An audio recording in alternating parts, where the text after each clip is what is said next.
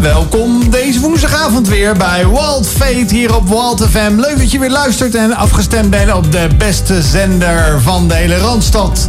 Met het beste gospelprogramma. Walt Fate hier eh, live in de ether.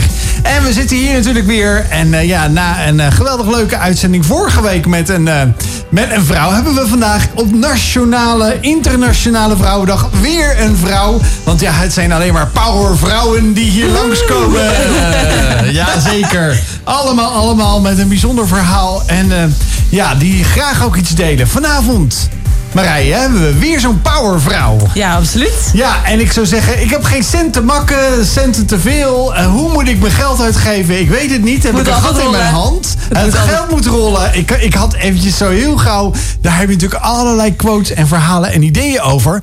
Ja, want vanavond hebben wij hier een eh, onderneemster eh, in de zaak zitten... die ja, graag haar talent gebruikt om goede dingen te doen. Met geld en in het bijzonder gericht op jongeren... want daarin eh, ja, wil ze graag haar eh, ja, eh, roeping volgen, zoals ze zelf misschien ook wel zegt. En het goede doen voor de samenleving. Het is niemand minder dan eh Joella Opperhaus. Welkom. Dankjewel, dankjewel. Leuk om hier te zijn. Ja, gezellig dat je er bent. Gelukkig heb je een ruime radioervaring, want je bent al bij onze conculega's van Business News Radio, eh Rijnmond Radio en andere geweest eh, om daar je verhaal te vertellen. Maar vanavond zit je hier notabene twee uur in de uitzending, Joelle. Ben je er, ben je er helemaal klaar voor? Eh, ja, voor zover dat kan, ben ik dat zeker. Oh, ja. gelukkig, gelukkig. Zeker na zo'n introductie. eh, ja. Dat is wel de bedoeling natuurlijk. We hebben hier geen steekpenningen voor betaald, zal ik je zeggen. Want anders denken misschien mensen wel... oh jee, eh, het gaat over geld, jongens, jongens. Nee hoor, nee, nee, nee. Het gaat... Dan wordt de wachtrij nog langer, Joost, voor alle mensen die hier een keer in de studio langs willen komen. Ja, dat is waar. Dat, want dat is anders niet meer betaalbaar hier, hè, om hier te gast te komen bij Of Waldfeest. eigenlijk andersom, dat ze geven. Ja, ja, dat zou nog gewoon extraatje, zo'n accentje kan nooit kwaad. Toch een snoepreisje of zo. Je weet maar nooit. Eerlijk is eerlijk. Ja. We zijn hier gewoon. Ja hoor, we zijn hier gewoon. Ja. Dat maakt helemaal niet uit. We zijn eh, ook blij dat jij vanavond weer eh, aangehaakt bent en eh, gezellig luistert naar ons programma. En jij, zoals je al weet, ja, we zitten volop als Waldfeet in een heerlijke metamorfose. In nieuwe dingen die gaan gebeuren. En er is vorige week een reis weggegeven naar Curaçao. Wauw, wat, wat gaaf. Er was een winnares die heeft gewoon een reis voor twee naar. Curaçao gekregen hier op, op Walt FM. Het heeft een boost gegeven op onze luistercijfers, zou ik bijna zeggen. En dat moet niet alleen dan blijven, want je moet altijd lekker naar eh, Walt FM. In het bijzonder natuurlijk de woensdag en zondagavond naar Walt Fate luisteren. Want daar hoor je de allerbeste gospel, een goed gesprek. En eh, ja, we hopen ook dat je misschien nog wel wat opsteekt van deze avond vanavond. eh, met jou als eh, te gast. En we vinden het leuk dat je er bent. Dus we gaan er helemaal naar uitzien. ja, laten we lekker gaan beginnen. Ja, hè? ja, en ik weet niet of Marije je goed heeft bijgepraat, maar anders ga ik het aan haar vragen. Want wat is jouw geluksmomentje van, eh, van vandaag of van eh, gisteren of misschien van morgen? Ja, vanmorgen sneeuwde het, Joost. Ja, oh, ja, wat, oh, wat een vraag, jongens. Dit had natuurlijk, dit had Nou, niet ik anders. moet eerlijk zijn, de vorige week met dat eh, heerlijke vrieskou weer met het zonnetje. Dat is echt mijn favoriete weer van het jaar. Maar toch een beetje sneeuw, dan doet mijn hart echt zo'n huppeltje. Ja, dat geloof ik gelijk, eh, Terwijl Marije. dat we vanavond natuurlijk allemaal veilig weer naar huis rijden. Dus moet je vanavond de weg op en eh, eh, let op gladheid. Eh, maar, eh, maar ik word echt wel enorm blij en dankbaar van, van een beetje winters weer. Echt, hè? Ja, en dan eigenlijk de droom heb ik er nog dat je dan zo'n jacuzzi of een sauna in je tuin hebt staan. En dat je heerlijk eerst lekker in de warme bubbel zit en vervolgens eh, de kou inspringt. Of een berg met een snowboard. Is ook Ja, fijn. dat is, de, dat is nog beter, ja. Ja. nou, Joella, ben je op wintersport geweest eh, dit jaar? Nee, dit jaar niet. Nee. Sinds eh, de jongens zijn gekomen is dat er een beetje bij ingeschoten. Maar wie weet volgend jaar weer. Dat zou ik wel heel fijn vinden. En wat was je geluksmomentje? Eh, Ja, je, je maaide het besneeuwde gras een beetje voor mijn voeten weg. Dus ik zat te gauw een andere te bedenken. Maar ehm, gisteren heb ik een hele fijne ochtend gehad met, eh, met iemand die me heel dierbaar is. Gewoon zo'n mooie ontmoeting, echte gesprekken, daar hou ik ook echt van. Dat klinkt echt goed. Nou, eh, Joost. Ja, dan moet ik het eh, natuurlijk even zo mooi afsluiten. Nou ja, ik heb eh, gisteravond eh, zaten we ja, eigenlijk een beetje zo op de bank. En toen zegt mijn uh, oudste dochter, zegt, ja, ik heb eigenlijk echt zo'n zin in een lekker, zo'n speciaal taartje van uh, Villa Augustus. Dat is een, uh, Oh, ja, ja. is een eh, lekker restaurant in de, in de buurt van de. Randstad. Absoluut eh, van de Drechtsteden. Dus die zegt eh, tegen me, ja, eh, ik zeg, ja, om acht uur s'avonds zouden er nog wel überhaupt wel taartjes. Ja, zegt ze, er zijn altijd taartjes daar. ik zeg, nou, eh, pak de auto, want dat eh, kan tegenwoordig hè, met eh, kinderen die zelf een rijbewijs hebben. Ga je gang. Dus die eh, stapt in de auto en die komt eh, nog een half uurtje later lekker terug met een, eh, een taartje, met een kop koffie erbij, een kop thee erbij. Nou, het was een eh, gezellig eh, momentje even met het gezin. Dus het, wat, dat zijn van die gouden ja, momenten. Dat is natuurlijk prachtig eh, zo midden in de week eigenlijk. Want dat komt helemaal niet zomaar voor. Standaard, dat was het dus. nou, dat klinkt Heerlijk. Ja, daar worden we blij van. Ja, wij hebben vanavond weer een geweldig leuke gast eh, weten te strikken natuurlijk in onze uitzending. Joella. En eh, ja, zij heeft eh, de, de nodige dingen denk ik ook wel te vertellen over hoe ze nou in deze plek terechtgekomen is waar ze aan het werk is. Want eh, ja, zij had eventjes toen ze hier binnenkwam een beetje genoemd van eh, wat voor een track record zij had. eh, ja, voordat ze eigenlijk een, een, ja, een switch maakte van... ik zeg dat dan wel eventjes van echt een, een powervrouw die carrière als een raket omhoog zou maken als ze dat ja, eigenlijk eh, niet los had gelaten. Als je aan die raket was vast blijven houden, dan was jij denk ik zomaar in een eh, flinke financiële topbaan terechtgekomen. En Ja. eh, nou ja, daar heb je voor gekozen om daar een totale switch voor eh, te gaan maken. Dus daar gaan we vanavond meer over horen. Ja, en wil je nou eh, vanavond eh, ja, nog een keer terugluisteren, omdat je dan denkt al aan het einde van, of je wil dat doorgeven, aangezien we hopen ook natuurlijk dat er lekkere praktische tips uit deze avond komen. Misschien wel voor jouw eigen eh, eh, financiële situatie, maar ook voor je eigen leven. Dan kan je morgen de podcast terugluisteren op eh, Wild Fate. En dat kan ook van alle, alle andere afleveringen. Want we zijn al bijna twee jaar bezig om ja, dit soort programma's te maken. Voor jou en met jou. En daar kan je ook altijd op reageren. En dat kan via de studio WhatsApp naar, naar, naar Wild Fate of naar Wild FM. Waren het niet dat wij natuurlijk nu opeens een nieuw eh, WhatsApp-nummer hebben gekregen. Als jij die nog steeds niet in jouw eh, telefoon hebt gezet. En dat is eh 085 083 0083. 05 083 0083. En dat moet je wel even veranderen. Want zoals je weet hebben wij ook regelmatig bij Wild Fate... eh, en Wild FM bij andere collega's eh, van mij eh, en van ons...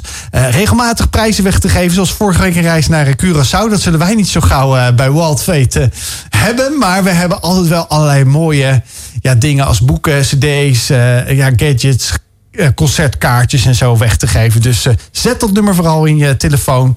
En reageer ook gerust vanavond. Want eh, ja, Joella is hier ook eh, vanavond in de studio live. Om misschien jouw vraag wel over financiën te beantwoorden. Ik zal niet zeggen dat ze de gouden tip heeft om een aandeel te kopen. Maar eh, je weet het maar nooit wat voor geheime ze prijs geeft vanavond.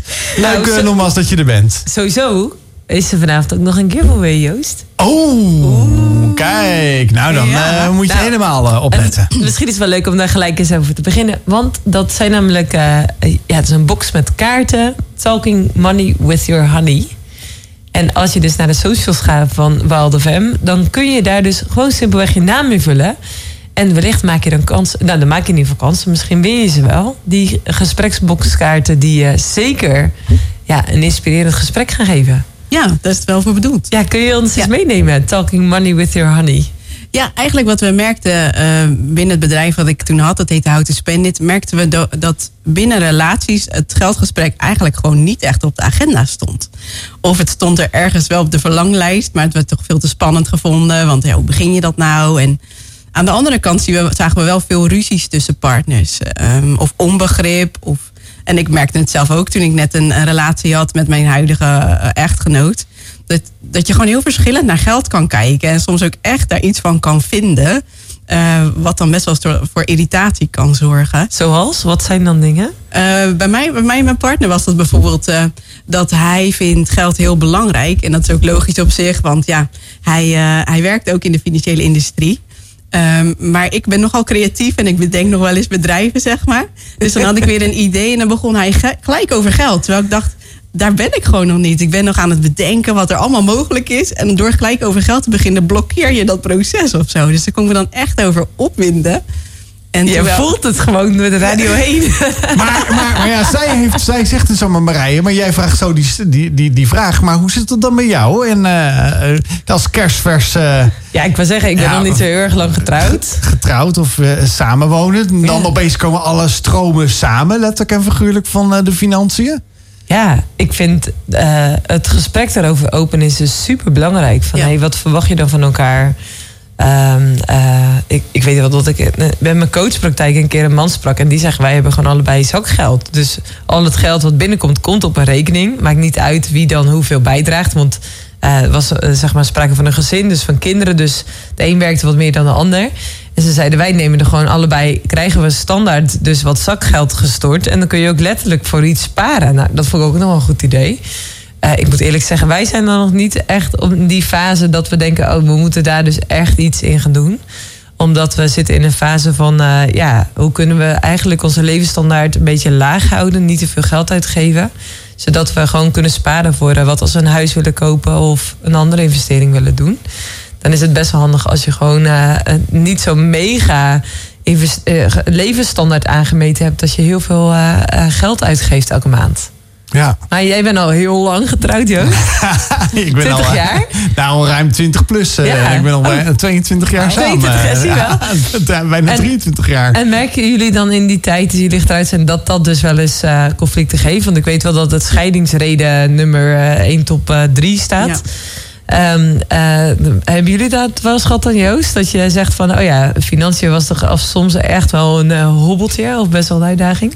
Ja, ik denk het wel. En ik denk ook wel dat. eh, ja, dat is misschien ook wel iets waar we vanavond ook wel. eh, eh, ik in ieder geval misschien wel bijna aan, eh, wel aan een vraag zou hebben. Van ja, ik ben wel altijd de, de hoofdkostwinnaar geweest, zou ik maar zeggen. Als je het even zo onerbiedig zou zeggen. Ja, dus ik breng het meest in het laadje. Dus dan kan je ook zeggen, ja, dan heb ik ook het meest recht op dat zakgeld. Zou ik zeggen, dat, eh, een hoger bedrag. Maar dat is even- vaker langs Villa Augustus Juist, voor lekker ja. taartjes? Ja, nee, maar dat heeft, dat heeft wel zo, eh, dat heeft wel zo zijn eh, fricties gehad, denk ik. Over van ja, maar waarom wil jij daar nou geld aan uitgeven? Of weet je wel, de, ja, de auto gaat kapot. Moeten we dat nou repareren of gaan we dan een nieuwe auto kopen? Weet je wel, dat zijn dan van die vragen die je dan. Ja, en, en hoeveel geld wil je er dan aan uitgeven? Ja, en ik heb echt, dat is heel eerlijk gezegd. Thuis ook wel eens niet zozeer een, een, een quizpunt hoor. Maar ik heb gewoon dure hobby's. Ik, ik heb bijvoorbeeld echt gewoon fotografie op, op hoog niveau. Eh, gewoon goede spullen. Ja, en alleen al een lens kost gewoon 1000 euro. Ja. En weet je, dat en is iemand dus niet- anders die dat niet begrijpt, die denkt: wat? Ja. Ja. 1000 euro, dan gaan we van een vakantie. Ja, nou ja, snap je. En dat zijn er wel van die, van die momenten. Dus dan is er wel... eh, ja, zakgeld hebben wij nooit gedaan.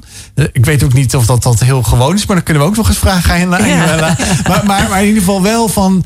eh, ja, dat, dat we dat, dat wel als zeiden van, zeiden van... maar laten we daar wel verstandig mee omgaan. Want kijk, eh, mijn, mijn partner zei van... ik hou echt niet van schulden. We gaan ons niet in schulden stoppen. We gaan dan maar sparen of we gaan het niet doen.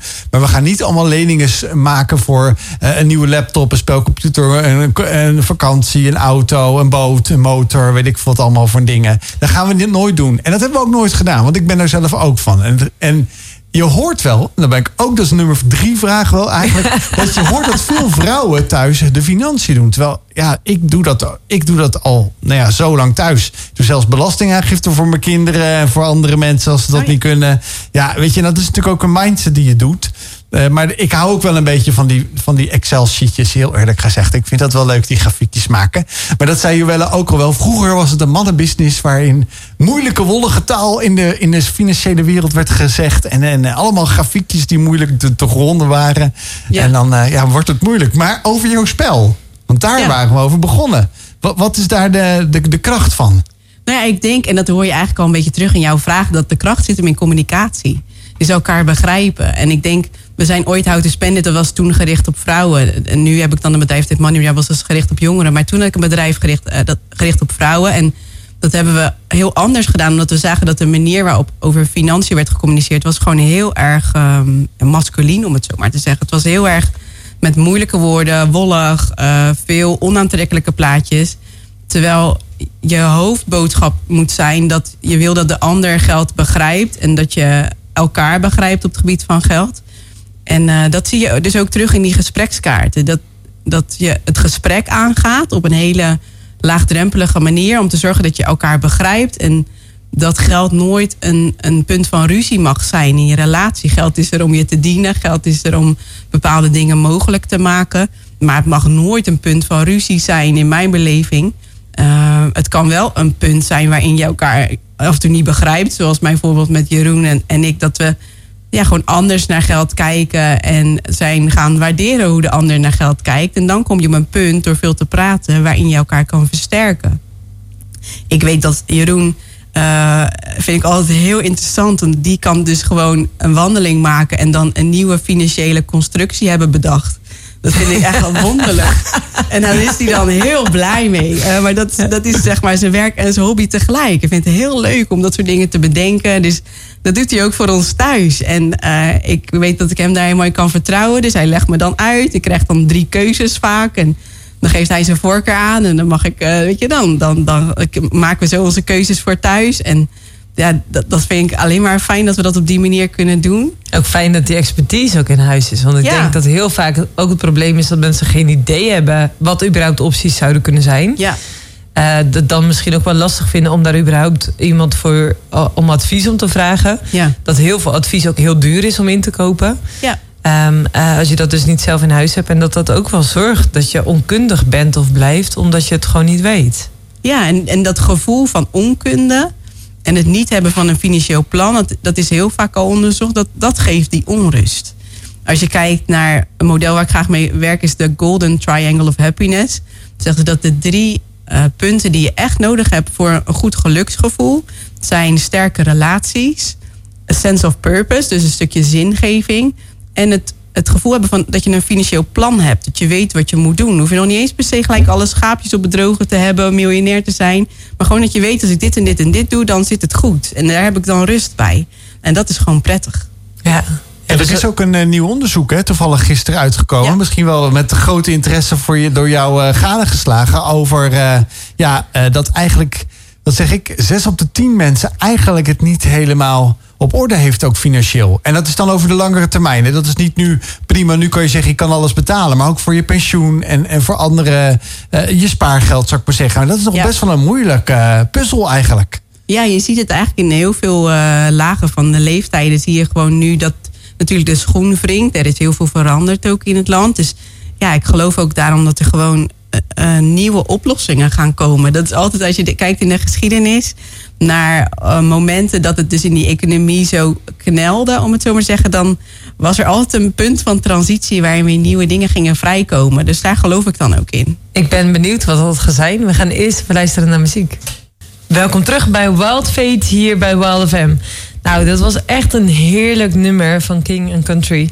En ja, zo tof hoe zij ook muziek maken. En dat je heerlijk even in een andere wereld kunt wanen. Heerlijk kunt genieten van toffe gospel die we hier zenden bij Wild Fate.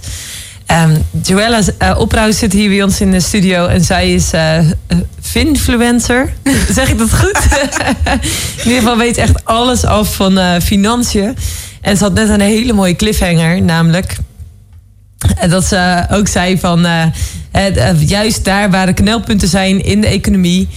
Um, uh, zie je eigenlijk altijd door de geschiedenis heen ook dat er dan dus iets gaat gebeuren. Dus jij zit ja. eigenlijk nu met de inflatie, de energiecrisis en iedereen die echt merkt: oh man, ik heb echt minder geld te besteden. Het is echt ja. gewoon heftig, het is intens dat er dus eigenlijk ja, een zit op het puntje van je stoel moment is van er gaat iets gebeuren. Ja, eigenlijk wel. Het is eigenlijk een moment van hoop. Ook al voelt dat niet zo als je naar het nieuws kijkt of als je kijkt naar de cijfers, als je kijkt naar, maar naar, naar je bonnetje, naar, naar de boodschappen.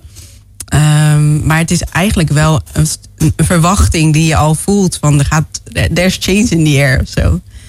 Ben je er positief over? Ja, eigenlijk wel. Gewoon heel positief. Laat ik zeggen, ik realiseer me dat het voor heel veel mensen heel moeilijk is. Mm, maar ik ben wel hoopvol, verwachtingsvol. En um, waar wij bijvoorbeeld mee werken zijn veel creatieve jongeren. En van oudsher, als je bijvoorbeeld ook kijkt naar de Gouden Eeuw of zo, dan zie je dat die kunst al een soort van aankondigt van there's change in the air. En dat zie je nu ook komen. En dus vandaar dat ik denk, ja, het is een moeilijke tijd. En ik heb, mijn hart gaat echt uit naar alle mensen die uh, de eindjes niet meer aan elkaar uh, kunnen krijgen. Maar aan de andere kant geloof ik ook dat er dat zeg maar de fase, zeg maar de manier waarop we het nu hebben georganiseerd, werkt ook niet langer. En er zal echt verbetering komen, dat geloof ik wel. Ook al weet ik ook nog niet precies hoe, hè. Maar ik geloof het wel. Ja, want ik denk dat heel veel mensen, als ze dat horen zeggen, denken: eh, hoe dan? Ja.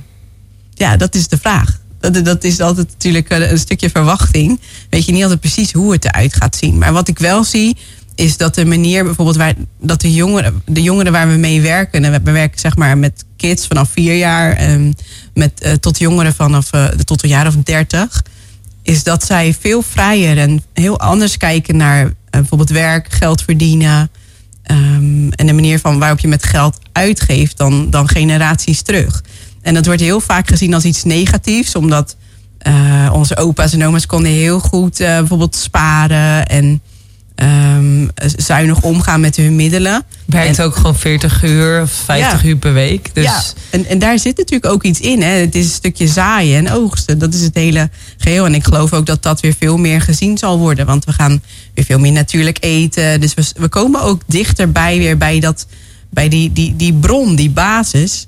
En aan de andere kant is het niet meer zo dat mensen denken: oké, okay, je studeert iets en je gaat dan carrière maken en dat is je, je levensdoel. Want dat is ook weer niet waar. Zeg. We zijn ook doorgeslagen um, in, in het uh, steeds maar meer en meer en meer werken. En zoals jij zei, ik had ook carrière kunnen maken in de financiële wereld. En had ik nu misschien ergens een, een, een manager geweest of zo, had ik 40 uur week, uh, 40 urige werkweek gehad. En dan had ik alleen maar vol met stress gezeten. En dat heb ik nu niet. En daar ben ik heel dankbaar voor. En niet dat ik zeg dat het slecht is, maar ik, ik zie wel heel veel mensen met veel stress, um, burn-out. Uh, ik, ik hoorde van Hanneke van der Meerden, jij zei dat die vorige week, volgende week ook komt. Uh, van Generatie Lens, die vertelde dat ongeveer de helft van de jongeren een burn-out heeft. Ik denk, ja jongens, dan zijn er dus ook dingen die structureel anders moeten. Ja, dan gaat het niet zo lang verder. Nee. En Joost haalde net een onderzoek aan wat gisteren gepubliceerd is. Ja. Um, wat is dat voor onderzoek? Uh, Deloitte heeft een onderzoek gedaan met een aantal andere partijen.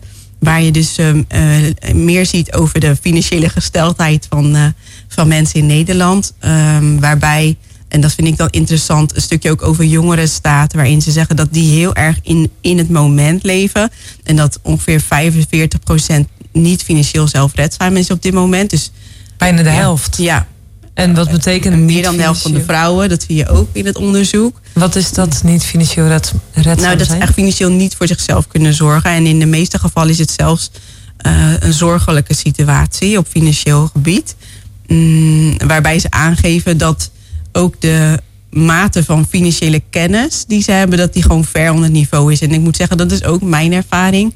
Uh, dat er door um, ouders, door scholen vrijwel geen financiële kennis is overgebracht. En dan op de een of andere manier verwachten we in de maatschappij dat zodra dus jouw kind 18 wordt, dat ze, dat ze zeg maar in die nacht ineens alle financiële kennis hebben ontvangen. En dan moet je ineens zelf je zorgverzekering en alles moet je zelf regelen. En het is dan om 12 uur in de nacht heb je dat allemaal ontvangen of zo.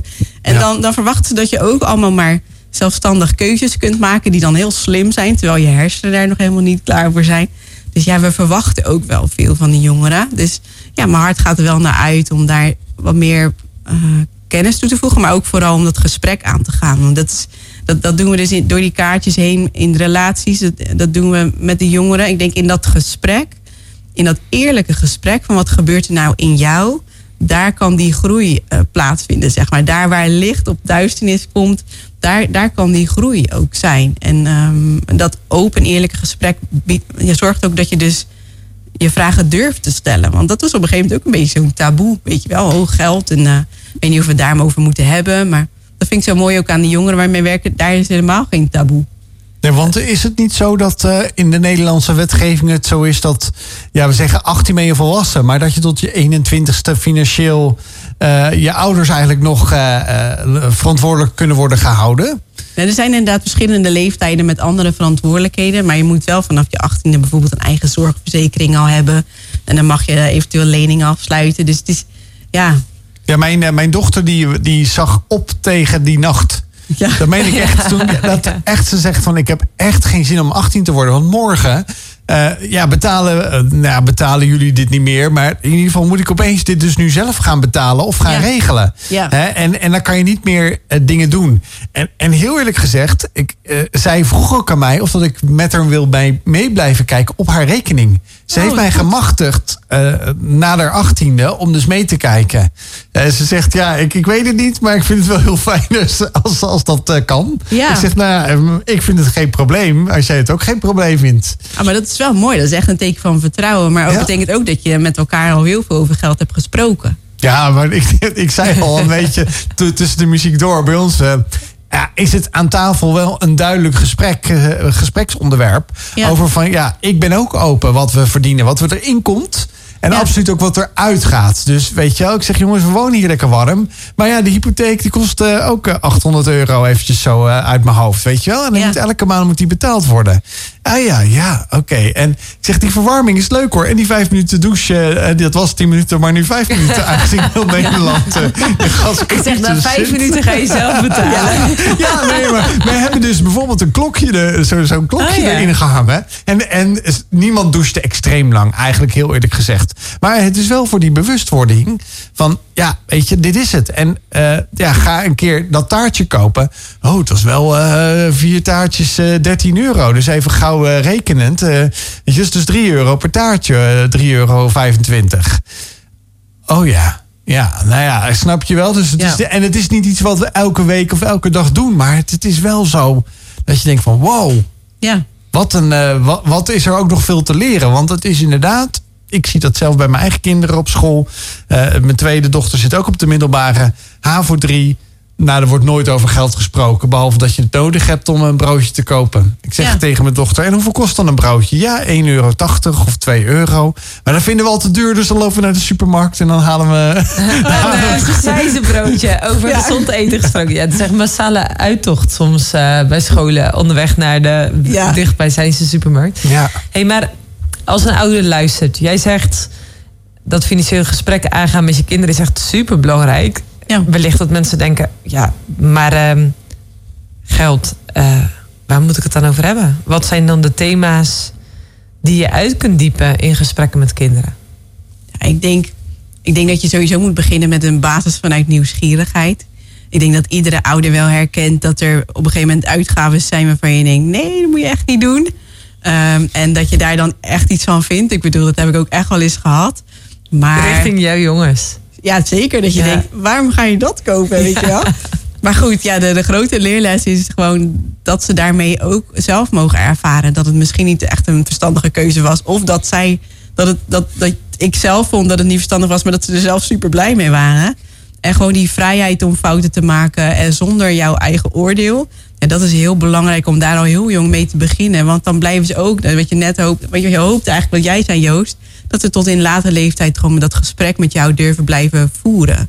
En ehm, zolang je daar zelf ook open bent. En ze hoeven natuurlijk niet al jouw stress te weten of eh, waar je je zorgen om maakt. Zeker niet als ze nog heel jong zijn.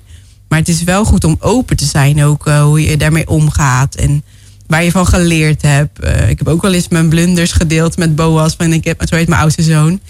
Van ik heb iets gekocht en dat heb ik echt niet goed gedaan. En dan leert hij daar ook van hoe je ermee omgaat. Dat je blunders mag maken, dat je weer opstaat. Of waarom je bepaalde keuzes maakt. Ehm, dat je niet altijd als je ergens komt iets hoeft te kopen. Dat soort lessen. En, en dat is gewoon, ik denk dat er niet hele specifieke thema's zijn. Ook al zijn die natuurlijk wel te, te bedenken.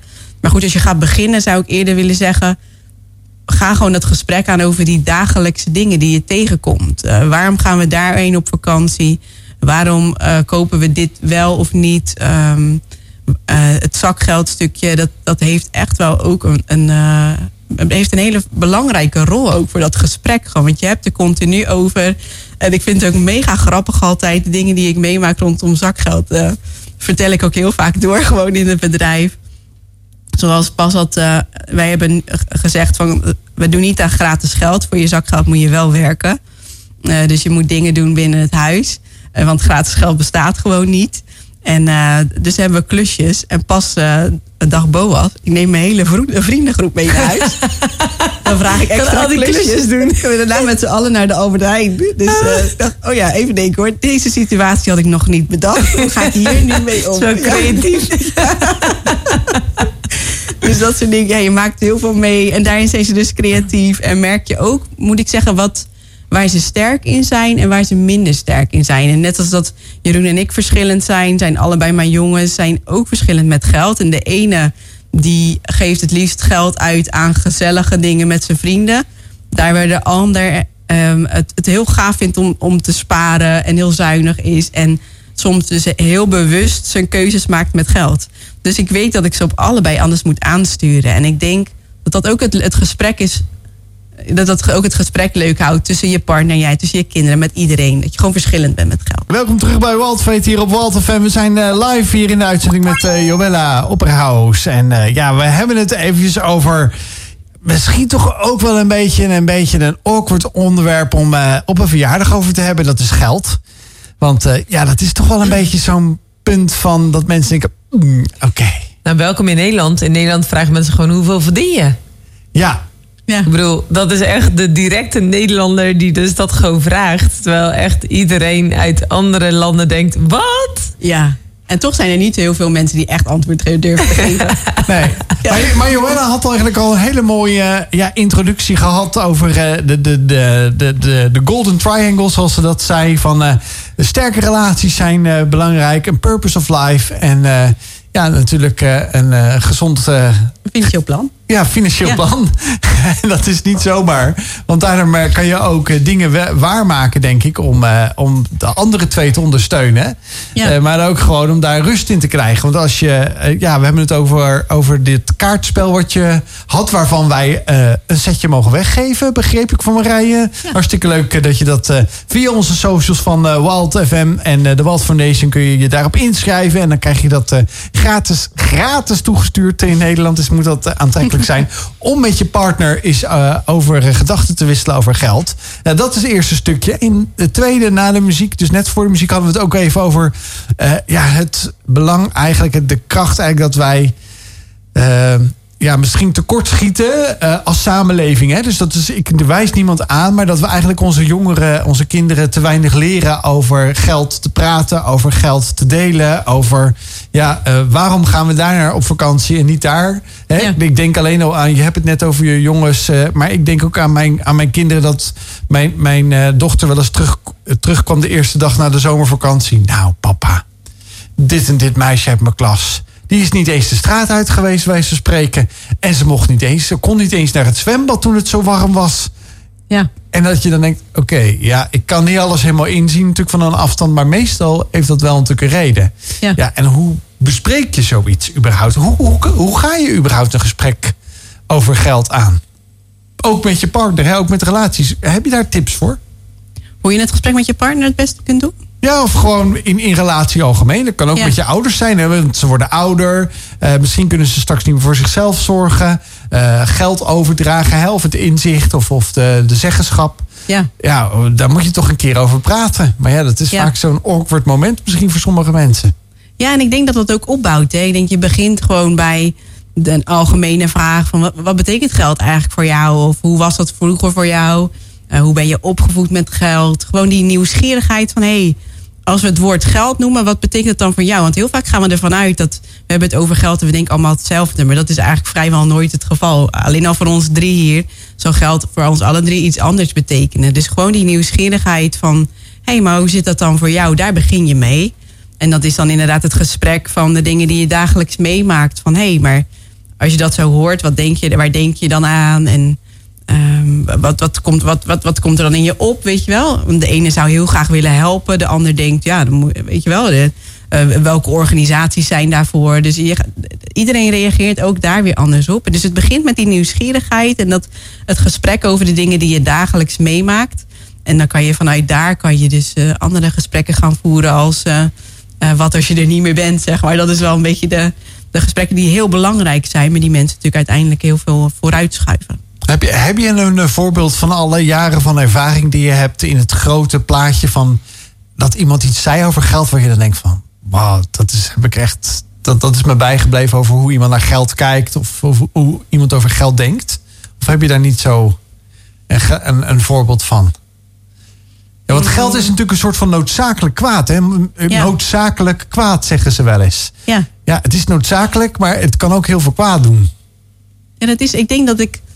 De, diversiteit vind ik leuk. Zeg maar, als ik daaraan denk, dan moet ik denken aan de mensen die dus echt een hart hebben voor mensen. En heel makkelijk alles weggeven. En zeggen van ja, ik heb genoeg, dus, dus ik wil het delen vanuit wie ik ben.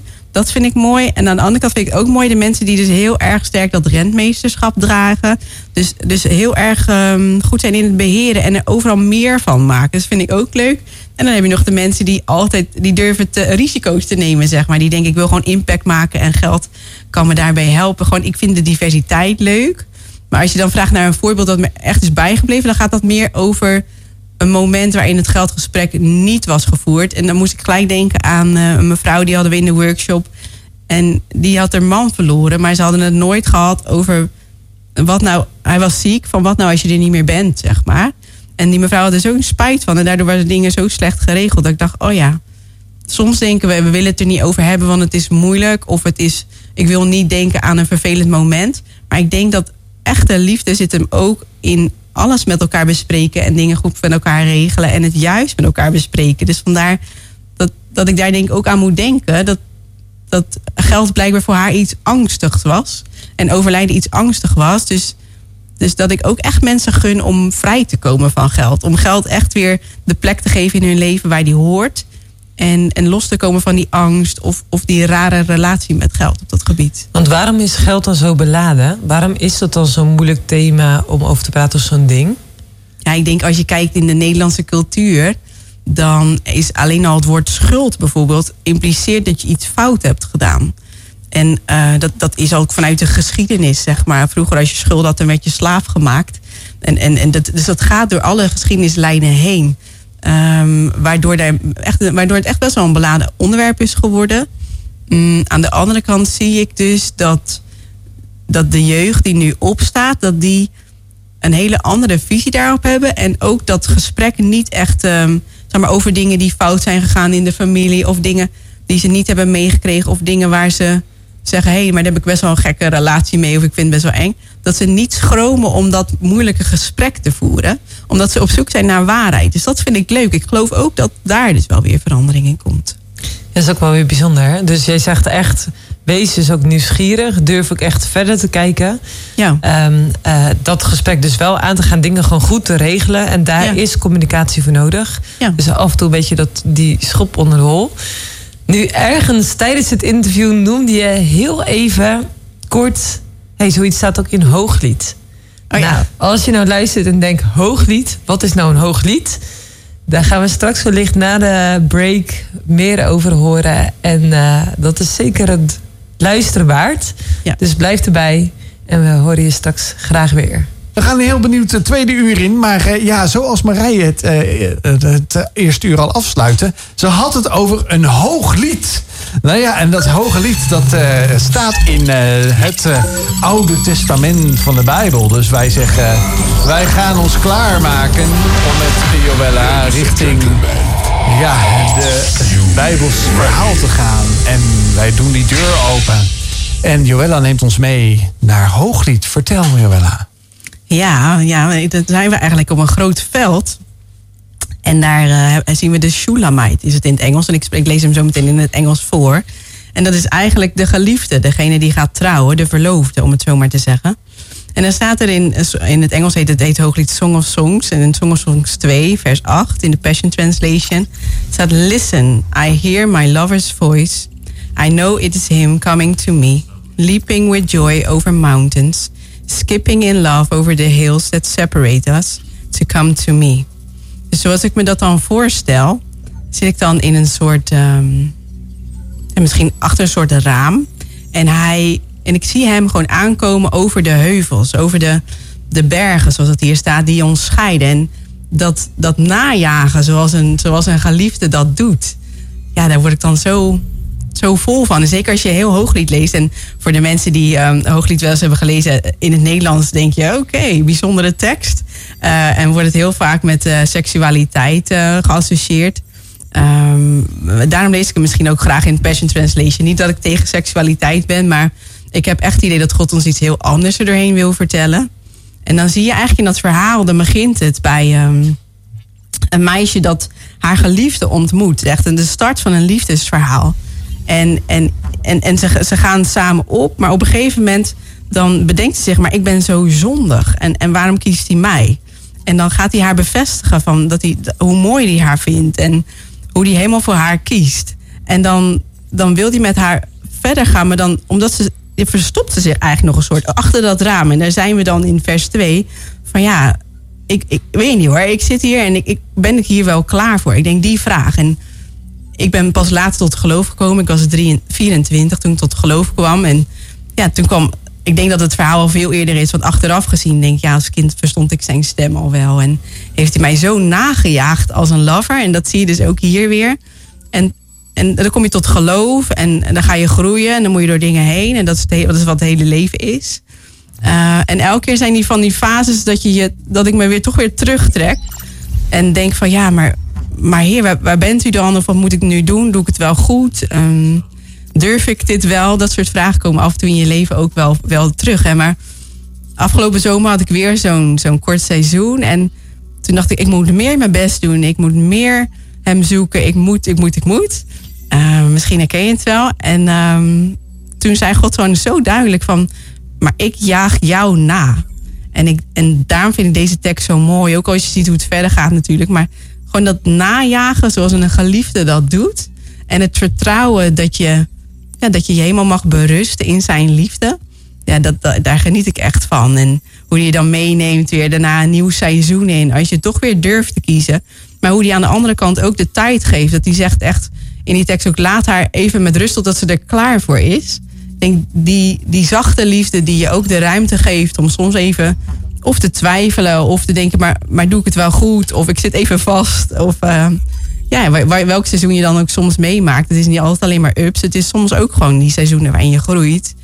Ja, dat hij je daarin de ruimte geeft, maar wel zegt van ik, ik jaag jou na. Weet je, maak je geen zorgen. Ook dit seizoen mag er zijn. En, en ik ben heel dichtbij. En dan komt hij echt leaping over de mountains. Dan zie ik hem echt springen en skipping in love staat dan. Dus, dus die vreugde en dat vertrouwen en dat, dat, dat helemaal springen gewoon om je te zoeken. En denk, ja, zo zie ik ook hem. En zo zie ik hem ook terug in mijn hele leven eigenlijk. Dat was Wake Up Call van Madissa. Echt weer een, heerlijk song, een heerlijke song waar je ja, misschien wel lekker op de bank ligt en denk echt zo, dat klinkt echt supergoed. Nou, zeg je nu van ik wil dat vaker luisteren?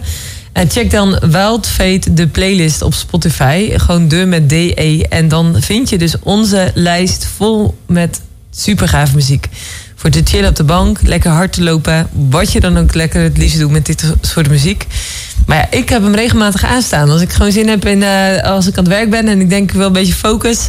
Hupsakee, een beetje goede muziek. Ja, en dit is ook de mainstream uh, gospel. Dus uh, denk niet dat dat altijd allemaal maar saaie muziek is. Maar dat zijn lekkere trendy nummers die ja, in, inhoud proberen mee te geven in, in de song. Maar dat is denk ik elke artiest wat hij graag wil. Maar ja, Lekker luisteren en uh, lekker genieten van vanavond.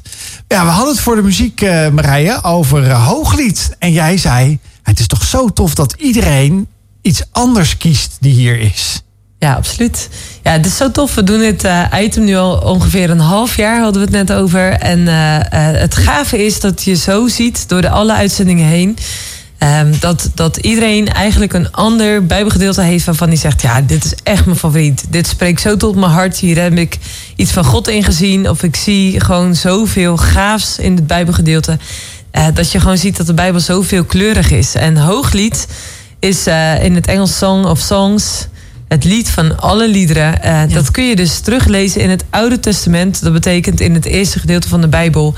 Dan heb je uh, psalmen, spreuken, hooglied. En psalmen is eigenlijk, ja, dat zijn 150 liederen die er geschreven zijn. Ja, daar, als je de Bijbel een beetje doorbladert, dan zie je al snel uh, psalmen staan. Nou, daarna heb je de spreuken en daarna heb je hooglied. Um, en daar kun je dus echt dat verhaal dus lezen van, van liefde, waarin God eigenlijk zichzelf ook openbaart. En waarvan Joella net zei van ja, dus zo vet wat God zegt altijd. I'm chasing you. Ik ren achter je aan. Waar je ook zit. Of dat je een beetje teruggetrokken zit. Of waar je nu ook zit. Ook als je nu op de bank zit en echt denkt. Ja heer, als u zou bestaan. Uh, ik ben hier. Wilt u dan laten zien dat u ook achter mij aan chase. Dat u mij wil toenaderen. Dat u mij wil zien. Ja. En wanneer was dat voor jou de eerste keer dat je dat zo ervaren? Dat je, dat je echt merkt, ja, God is echt degene die dus ja, mijn hart wil. Hij wil gewoon mijn God zijn. Hij wil gewoon, ja, hij wil zijn liefde aan me tonen. Want die liefde overstijgt wellicht alles. Ja, ja dat, toen was ik 24. En ik uh, ging, uh, zeg maar, ik, ik ben niet christelijk opgevoed. Eh, en ik woonde soms bij andere mensen in huis. En die gingen altijd met kerst naar de kerk. Als zijnde meer een soort theaterstuk, weet je wel. Want het was mooi en het hoorde erbij. Je had een mooi kerststal en mensen zongen. En het was gezellig. En daarna deed je dan stol eten, weet je wel. Ja, echt uh, oer-Hollandse traditie. Ja, dus het, het was inderdaad meer traditie dan dat er echt een geloof achter zat. Had ik zelf in ieder geval het idee. En eh, wij, gingen, wij deden dat ieder jaar. En dat vond ik wel mooi. En toen kreeg ik een relatie met Jeroen. En ik wist dat hij christen was. En ik dacht vooral, oké, een beetje op mijn woorden letten. Dan komt het wel goed, weet je wel. Geen, geen Dus vloeken, gewoon ja. netjes. eh. en eh, met kerst zei ik, nou Jeroen, ik ga wel een keertje met je mee naar de kerk. En eh, dat vind ik wel leuk. Dat hoort een beetje bij met kerst. En toen namen ze me mee naar een kerk. En het, het was, ja, het was zo'n ander soort kerk dan ik gewend was. En ik kwam binnen en ik ging zitten. En ik heb toen alleen maar gehuild. En toen dacht ik, hé, ik weet niet wat er gebeurt. Maar ik moet nu even opletten. En eh, toen vroegen ze, als je God in je hart wil, eh, wil uitnodigen, dan mag je naar voren komen. Toen dacht ik, nou, ik doe het vandaag nog mooi even hier op mijn plek als je het niet erg vindt. Want eh, ik was met mijn nieuwe schoonfamilie zat om me heen. En ik dacht, weet je wel, ik, zat, ik was alleen maar aan het huilen. Ik was in een nieuwe omgeving. Ik had allemaal nieuwe mensen om me heen. En ik dacht, nou, ik blijf nog even op mijn plek vandaag. Maar ik, ik koos wel. Ik wilde dat wel heel graag. Want ja, gewoon wat ik ervaarde, dat herkende ik niet. Die Wat liefde, ja, gewoon zo'n liefde of zo. Dat je stuk goedkeuring, een stuk thuiskomen. Eh, en de, de week daarna wilde ik gewoon weer naar de kerk. En heb ik, heb ik wel die stap ook genomen om dat heel duidelijk dus te doen door naar voren te gaan. En, Want wat betekent het dat je naar voren gaat? Wat gebeurt er dan? ja, dan werd er echt gewoon voor je gebeden. Ehm, ook ja, dat die reis die je gestapt, eh, ingestapt was, dat, eh, ja, dat God gewoon met je mee zou gaan op dat moment. En voor mij betekent het gewoon een zichtbare keuze maken. Ik bedoel, God had me ook die dag al op mijn stoel ontmoet. Het is niet per se nodig. Maar voor mij was het gewoon dat ik dacht, oh ja, ik, ik ben nu zover dat iedereen het mag zien. En ehm, En dat was En dus dat- al na een week. eh, Gewoon, eh, zeg maar, je leven Ja. stond eigenlijk gewoon op zijn kop, of niet? Ja, ja ik, zo ben ik ook wel. Het past ook gewoon mij. Weet je wel? Gewoon all Ja. in, hupsakee. Ja, ik hoor soms mensen die 10, 20 jaar nadenken of ze gedoopt willen worden of niet. En dat is ook prima. Maar ik was gewoon de volgende week, de, de week daarna hoorde ik daarover. dacht, oh, dat ga ik ook doen. En dat was voor mij gewoon geen vraag. En wat is dopen? Ehm, dat is ook een goede, ja. En doop is feitelijk dat je onder water wordt. Eh, dat je onder water gaat om, waar je al je zonden achterlaat. Waar je gewoon een nieuw mens wordt. Dus je sterft, eigenlijk je oude ik sterft en je nieuwe ik staat op. En wat zijn dan zonden die je dan achter kunt laten? Voelt het echt alsof Mm. dat je je verleden soort van achter je laat? eh, en dat het als het ware in het, in het water achterblijft en dat je fris en fruitig weer opstaat? Ja, voor mij was het wel alsof er een, een nieuw hoofdstuk open ging. Wat een mooi. Ja, alsof ik echt zei, maar nou hier, hier, hier ben ik. Ja, dus als- alsof dat je gewoon op een nieuw, eh, ja, nieuw hoofdstuk dus echt begint. Dus dat Ja. wat voorheen is geweest, je soort van afsluit op het moment dat je dus jezelf laat dopen. Ja, En dat je echt zegt, oké heer, help mij dan maar dat boek te schrijven dan of zo. Dat je Ja. met hem verder ging leven. ja je, je moest, ik had ook iets wits aan op die dag. Het was ook echt alsof je een nieuwe bladzijde van, nou beschrijf mij maar. Ga maar schrijven in dit nieuwe hoofdstuk wat ik vandaag gestart ben. En ik was vooral ook nieuwsgierig naar wat er gekomen ging. En wilde alles weten. Ehm, maar vooral ontdekken of zo. En wat werd er geschreven? ja, ja ik, ik, ik ben gewoon een heel nieuw mens geworden of zo. En het, het, dat klinkt misschien gek, maar ik kwam echt uit, eh, uit een stuk waar ik gewoon veel herstel nodig had. Ik had echt heel veel verkeerde keuzes gemaakt. eh, tot, eh, tot, tot suicidaal zijn toe, zeg maar. En ehm, ja, het was alsof die dag dat allemaal van mij afviel. En, en, en tuurlijk ga je dan stukje voor stukje, stukje herstel aan. Voor mij was dat. ehm, voor mij was het zeg maar op dat moment nog. Was ik zo ziek dat ik elke dag flauw viel van de pijn bijna. Eh, Een paar keer per week letterlijk. En de rest had ik echt veel pijn. En al daar begonnen gelijk wonderen te komen. Dat die pijn verdween. En, en steeds meer ehm, herstel kwam in mijn hart. Dat waar, waar pijn zat. Dat steeds een stukje eh, genezing daarvan ontving. En, en ik moet zeggen, gek genoeg. eh, We zijn natuurlijk net begonnen over geld. En geld had toen een hele gekke rol in mijn leven. Want voor mij was het mijn veiligheid. En dat was het eerste wat God, eh, waar God aan, aan begon in mijn leven. Toen dacht ik echt, nou, van al die dingen die we in mijn leven zou kunnen doen op dit moment. is geld toch wel echt een beetje een rare start. Eh, en toen zei hij, maar zolang geld jouw veiligheid is, zolang dat het, zolang jij op geld blijft vertrouwen als jouw beschermer, dan is er geen ruimte voor mij. En toen dacht ik, oké, nou ja. Ik Dat denk is- dat dat voor heel veel mensen herkenbaar is. Ja, dat denk ik ook. Dat, dat je geld, eh, Ja. of het niet hebben van geld, eh, enorm iets doet met je veiligheid, met je gevoel van veiligheid. In ieder Ja. geval controle in ieder geval. Ja. En tegen jou zei God gewoon, juist op dat ding wat je expertise ook is nu. Ja, Van oké, daar gaan we dus eerst iets mee doen. Want Ja. hij nodigt je eigenlijk uit om op hem te gaan vertrouwen. ja. Achteraf denk je, oh ja, logisch, want eh, blijkbaar moet ik daar iets mee. Maar toen dacht ik echt, heer, waarom dat als eerste? Eh, En dat, was, dat maakt natuurlijk wel eh, heel grappig of zo. Dankjewel Roberto Rosso. Ik heb trouwens overigens net een podcast met Roberto Rosso gelanceerd over suïcide. Oh. Dus eh, dat kwam net even te sprake. De Vrouw naar Wouw podcast. Ja. Eh, gewoon te beluisteren via wat voor platform dan ook. En als je zegt, ja, suïcide dat is een thema wat me bezighoudt. Dat soort gedachten over iemand die ik ken. eh, dan is het zeker een aanrader om te luisteren. Want een van Roberto Rosso's maten die... heeft, eh, ja, ik denk inmiddels anderhalf jaar geleden eh, plotseling eh, zelfmoord gepleegd. En hij deelt dus over die ervaring, maar ook echt zijn passie om daar echt een ander geluid in te laten horen. Ja, Mooi. nou mooi.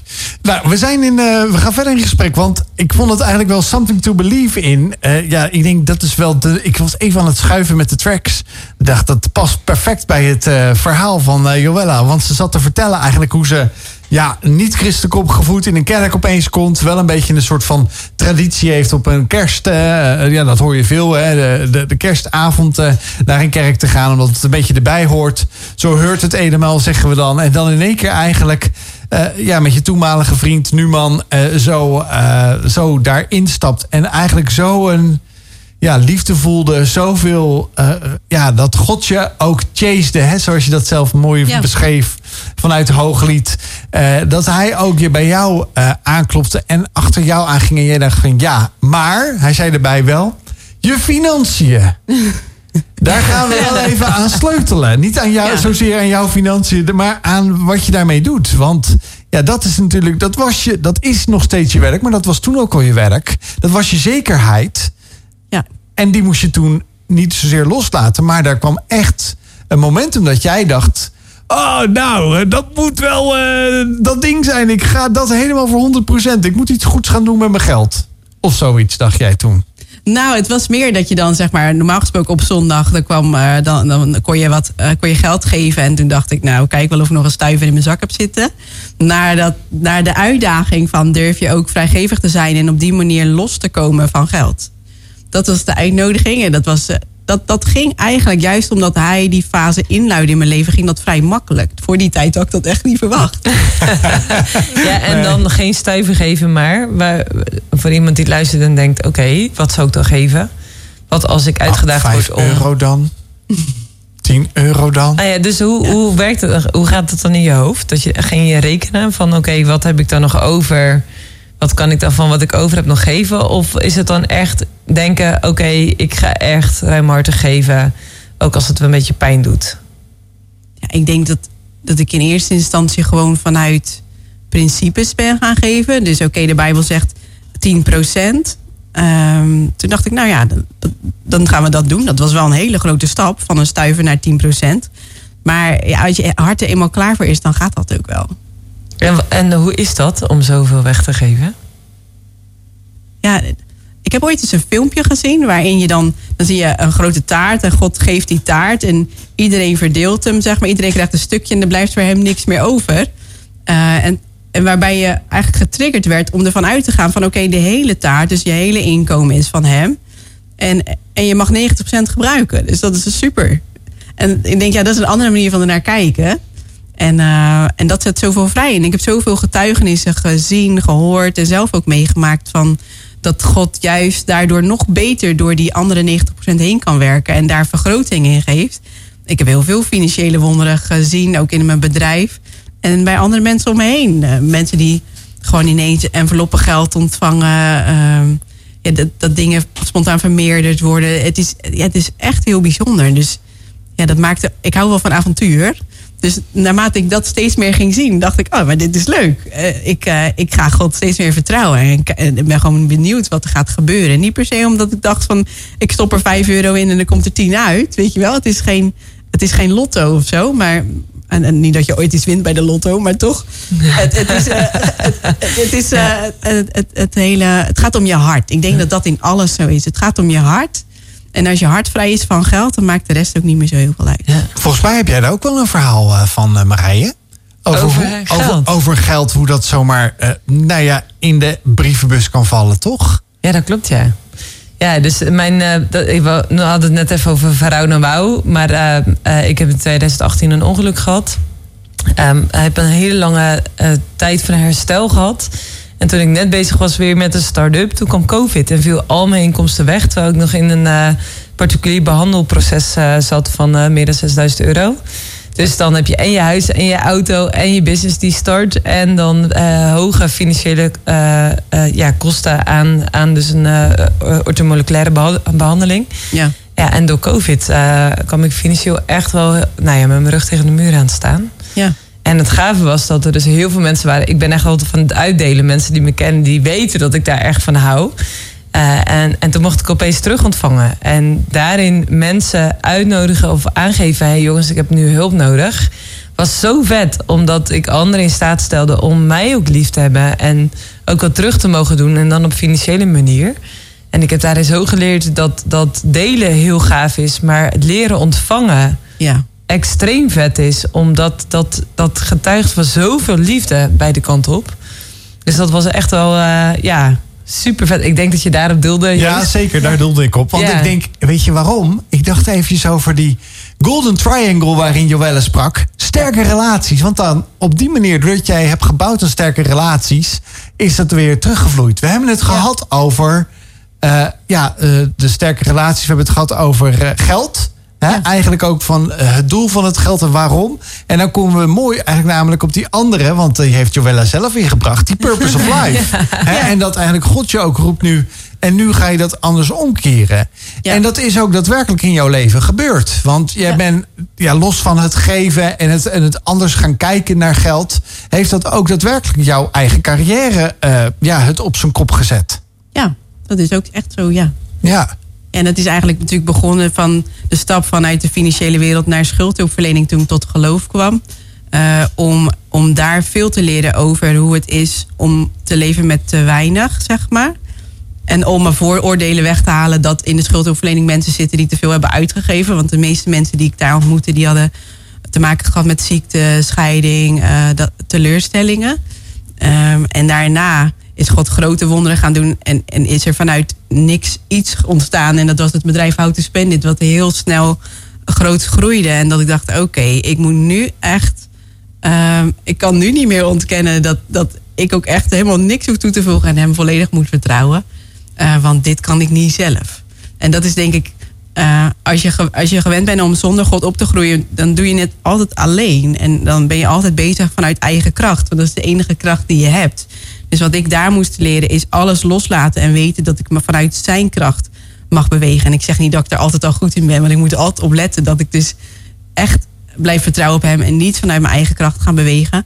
Maar dat, dat is wat, wat ik daar doorheen mocht leren. En Hoe werkt loslaten dan? Hoe, hoe, zeg maar, hoe kun je dan... Je bent een business aan het bouwen. Je moet keuzes maken. Je, je moet anticiperen op datgene wat er op je afkomt. ja, Dus, dus hoe breng je dat dan in de praktijk? Dat je zegt van oké, als God voor me zorgt... mag ik dingen loslaten. Maar hoe dan? Ja, ik denk dat ik er binnen, toen ik Hout Spannend nog had, heb ik dat gedaan.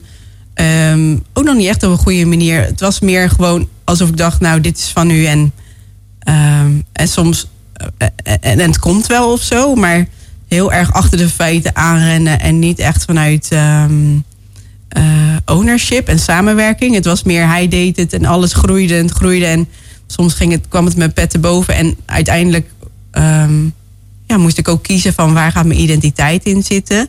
Toen heb ik in 2018 heb ik een soort van eh, harde rem erop gezet. Mijn bedrijf weggegeven en weer teruggekregen. Eh, met de mededeling van God, wat, dat was niet de bedoeling. Maar heb ik vier jaar lang echt hem leren kennen.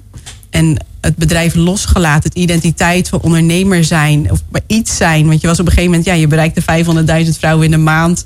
Je was de eerste influencer. Je deed grote dingen. Dus dan ben je ine- ineens iets. En ik dacht altijd, ik zit er niet aan vast. Maar toen ik stopte, dacht ik, oh ja, ik moet wel, weet je wel, het echt het loslaten. dat merk je dat je dat kan op het moment dat je het helemaal loslaat en even vanaf de buitenkant naar kijkt. En denkt, oh nee, ik kan daar nog wel een next level in pakken. En ja, dan, dan zo eh, vier jaar lang echt opgeleid worden door God. En ook zijn stem te verstaan en nog meer los te laten. En te groeien in wie ben ik nou eigenlijk. Ja, dat maakt wel dat ik nu deze nieuwe stap naar Money Rebels, wat we dan nu doorbouwen op How to Spend It. Dat denk ik, ja, dat, dan kan je wel weer vanuit een ander, eh, ander niveau, een andere autoriteit groeien. Want dat noemde je eh, eigenaarschap, ownership. Ja. En wat, wat eh, houdt dat in voor jou? Ownership? Nou, ik denk niet ownership als in het is van mij. Maar meer ownership van God vertrouw me dit toe. En ik wil een goede steward zijn, zeg maar. Ik wil daar goed mee omgaan. Eh, aan de andere kant wil ik het ook kunnen loslaten en vertrouwen dat hij het doet. Dat hij zeg maar de CEO is. En ik daar binnen mag, eh, mag werken. En ben jij dan de CFO of, eh, of moet ik dat niet zo zien? ja, toch? Ja, ik, ik heb wel eens iets van eh, Chief Happiness Officer. Er ook tegenwoordig. Ik dacht, nou, dat lijkt me wel een goede functie. Austin French met Good Feeling. Ja, dat is natuurlijk wel even een lekkere eh, opsteker hier. eh, eh, ja, om zo heerlijk te swingen bij Wild FM met Wild Fate hier vanavond. En we hebben Joelle Opperhaus hier eh, aan tafel. En zij had het over haar nieuwe initiatief, haar nieuwe onderneming. Die ze bouwt op de volgende. Eh, dus ik vind het heel gaaf hoe jij, eh, jij je talenten gebruikt. En ook daarin ja, een stukje kingdom building doet. Hè? Koninkrijks bouwen, eh, zoals je dat ook zegt, om je talent in te zetten. Ja, maar, maar wat houdt jouw nieuwe onderneming precies in eigenlijk? Ja, eh, Money Rebels heet mijn nieuwe onderneming. En ehm, daar waar we met Houten Spendit vrouwen inspireerden rondom financiële topics, doen we dat nu met kinderen en jongeren. Dus eh, tussen 4 en 30. En dat is dan niet alleen eh, dat we financiële kennis willen toevoegen, weet je, die praktische vaardigheden, ook al vinden we die wel belangrijk en doen we dat ook echt.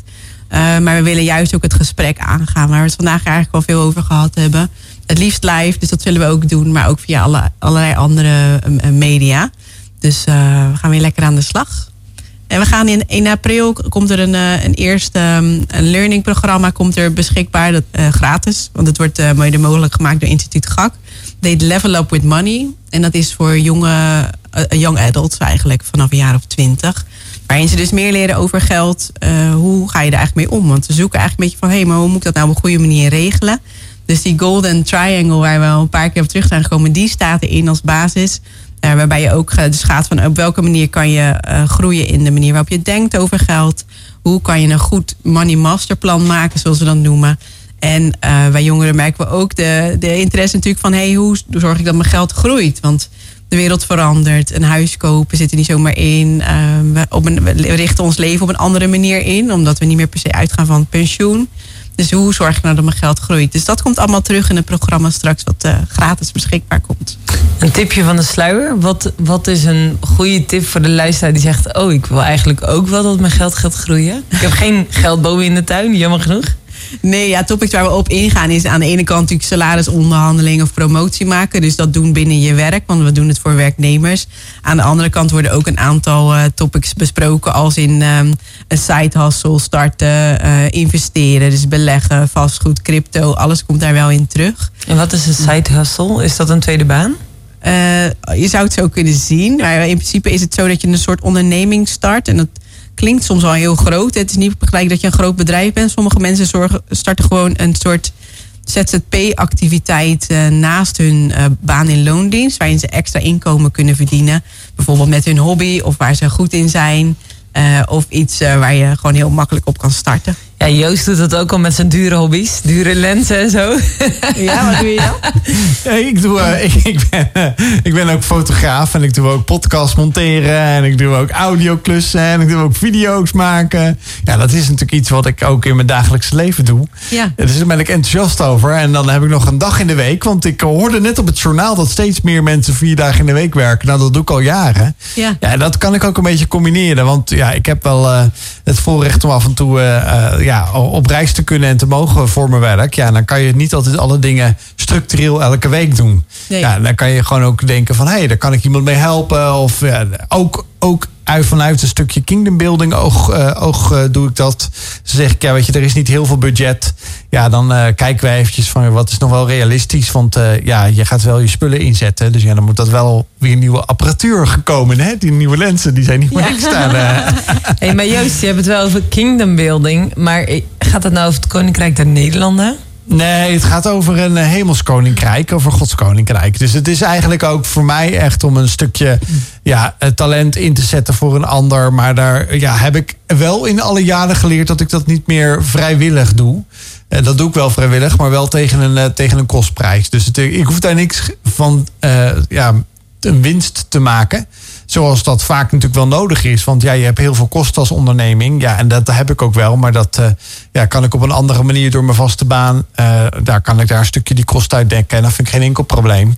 En dat vind ik ook heel erg leuk te doen. En dat zien ze thuis ook. Ze zeggen, ga je vooral in gang. Want dan kan je energie en je, je creativiteit kwijt. dat is heel belangrijk. Ja. Ik, denk dat, dat is ook, ik denk dat er ook verschillende motivaties zijn om die site te doen. Waaronder ook inderdaad je tijd, de creativiteit ontwikkelen. Of je talenten ontwikkelen. Uh, extra inkomsten genereren. Er zijn verschillende redenen om ermee te starten. Ja, ik had wel even een vraag. Hè? Want uh, ik vind het interessant, Joella, dat je zegt dat gaan we in samenwerking met GAK doen. Nou, ja. Mijn oudste dochter is, is 20, dus die, die zit precies in de start van die, van die mogelijke uh, nee, ja, cursus of training. Ja. Maar, maar hoe gaan jullie dat überhaupt aan deze generatie bekendmaken? Of gaat de GAK een, een, een mailbom die ze nog niet lezen eruit sturen of zo? Nou, nee, we doen dat via Money Rebels zelf. Dus via, via ons eigen platform. Uh, okay. Instituut GAK heeft uh, middelen vrijgemaakt, zodat wij ook uh, die video's en dergelijke konden betalen. Dan zijn heel veel toffe mensen die we mochten interviewen via video's en dat soort dingen. Straatinterviews hebben we gedaan. Dus ja, dit is wel echt heel tof geworden, vind ik zelf. En dan gaan we bekendmaken gewoon via de socials. Dus via Instagram, via YouTube, via onze website in de nieuwsbrief. En ons eigen netwerk van werkgevers en, en de jongeren die we al kennen. Uh, en we hopen vanuit daaruit ook lekker in mei gewoon een event te doen waar we die jongeren kunnen ontmoeten. Money gatherings noemen we dat. Waarin we dat gesprek heel laagdrempelig willen maken. En gewoon een toffe avond uh, willen doen waar we het over geld hebben. Zodat we die, ja, dat laagdrempelige gesprek uh, faciliteren. Daar waar dat thuis misschien nog niet gebeurt. Ja, dus moneyrebels.nl. Dat ja. is ook jullie Instagram naam. op YouTube waarschijnlijk ook dezelfde naam. Ja, ook. Hey, en waar Money Rebels? Wat is de rebellie achter het ja. geld? Ja, nou, het is meer uh, bij Rebels denk ik altijd aan, aan mensen die het een beetje anders durven te doen. En omdat ik zo geïnspireerd ben door, door de nieuwe generaties die nu opstaan, hoe ze het allemaal anders durven te doen. En, uh, en echt die vernieuwing durven te brengen. En dat ook echt hebben ontvangen voor, van God, voor mijn gevoel. En die creativiteit pakken en er zo anders naar kijken. Denk, oh ja, we willen er zijn voor die money rebels. Die het gewoon lekker anders durven te doen. En uh, vrij zijn nog in hun denken rondom geld.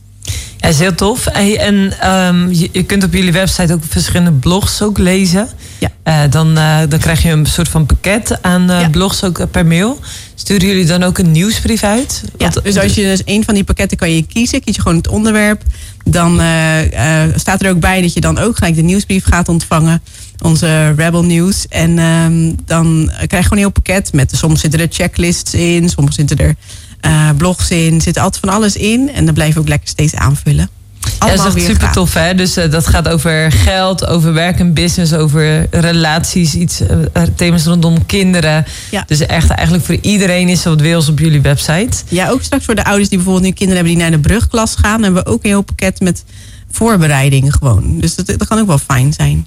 Ja, dat is natuurlijk super relaxed. En dan blijf je gelijk op de hoogte van alle toffe dingen die jullie in de komende tijd nog gaan ontwikkelen. Yes. Want als er één ding zeker is, is dat Joelle wel van avontuur houdt en ambitieus is. En uh, ja. het echt fantastisch vindt om dit verder uit te gaan bouwen. En het wordt sowieso succesvol, want dat is ja, waarom dat uh, geld en alles wat daarmee hangt ook echt zo op je hart ligt.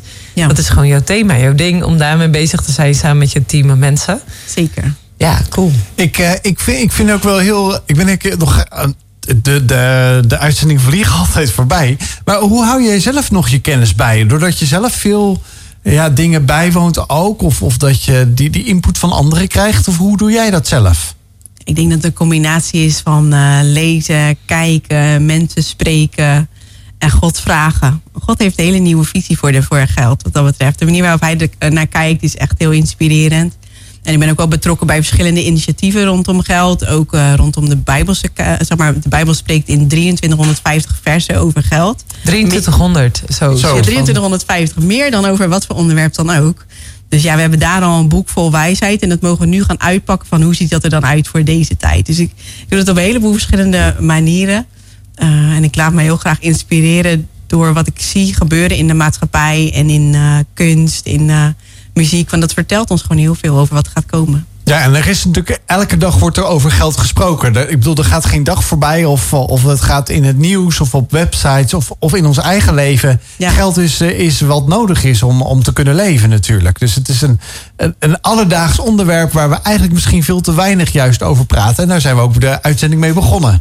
Ja, zeker als christen. Ik bedoel, geld is ook wel iets te belangrijk geworden in de maatschappij. We hebben het belangrijker gemaakt dan wat dan ook. En heel veel dingen lijden daar ook onder. En ik denk dat wij juist eh, weer die hoop en die verwachting kunnen brengen... dat het weer een middel mag worden dat ons dient in plaats van andersom. Ja. En heb jij eh, nou nog een, eh, een, een, een één of twee, of misschien zelfs wel drie korte laatste tips voordat we deze uitzending afsluiten, Joella, voor de luisteraar, om, om misschien nog mee te nemen. Hè? Los van die triangle, want die hebben we denk ik heel mooi vanavond eh, echt kunnen, kunnen dekken. Dat je zegt van, hé, hey, dit zijn nog even misschien om mee te nemen deze week of deze komende maand, naar aanleiding misschien wel zelfs richting april naar jullie event. Ja. Heb je daar nog voor de luisteraars iets voor?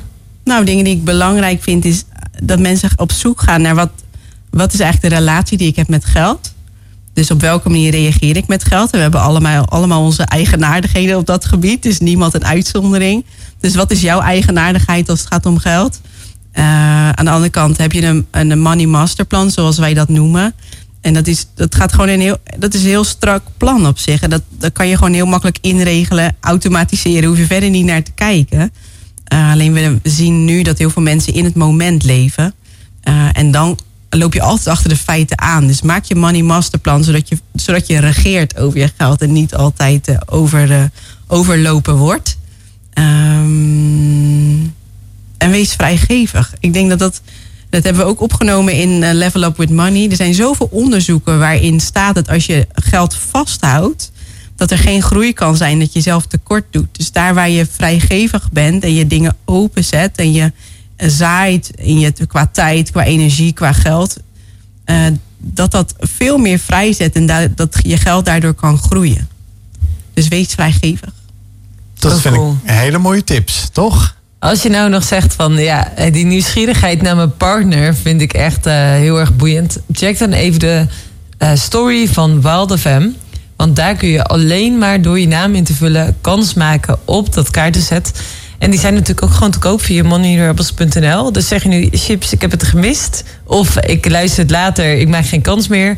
Ze zijn echt spotgoedkoop, super tof en absoluut een must-have voor jou en je partner. Ja, dat is een goede manier om uh, gezellig in gesprek te gaan. Want ik merk dat daar meer organisaties en meer uh, uh, clubs mee werken. Want ja, we, we, vergeten soms die mobiel naast ons te leggen... en dan een goed gesprek te voeren ja. tijdens een, een, gezellig bankavondje... of een etentje of wat dan ook. En dat is, het is zo leuk, want ja, daardoor kom je dat leveltje dieper met elkaar... in een relatie en dat is natuurlijk heel mooi.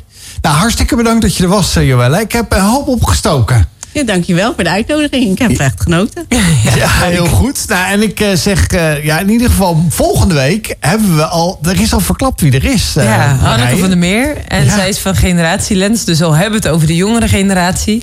En ook hoe je juist door de generatie heen iedereen kan versterken en aanmoedigen. En ja, eigenlijk de kracht van diversiteit kunt zien. Dan weet zij er echt alles over. Nou, ik ben heel benieuwd wat ze volgende week ons gaat vertellen. Bedankt weer dat jullie hier waren. En ik wens jullie een veilige reis naar huis en tot volgende week.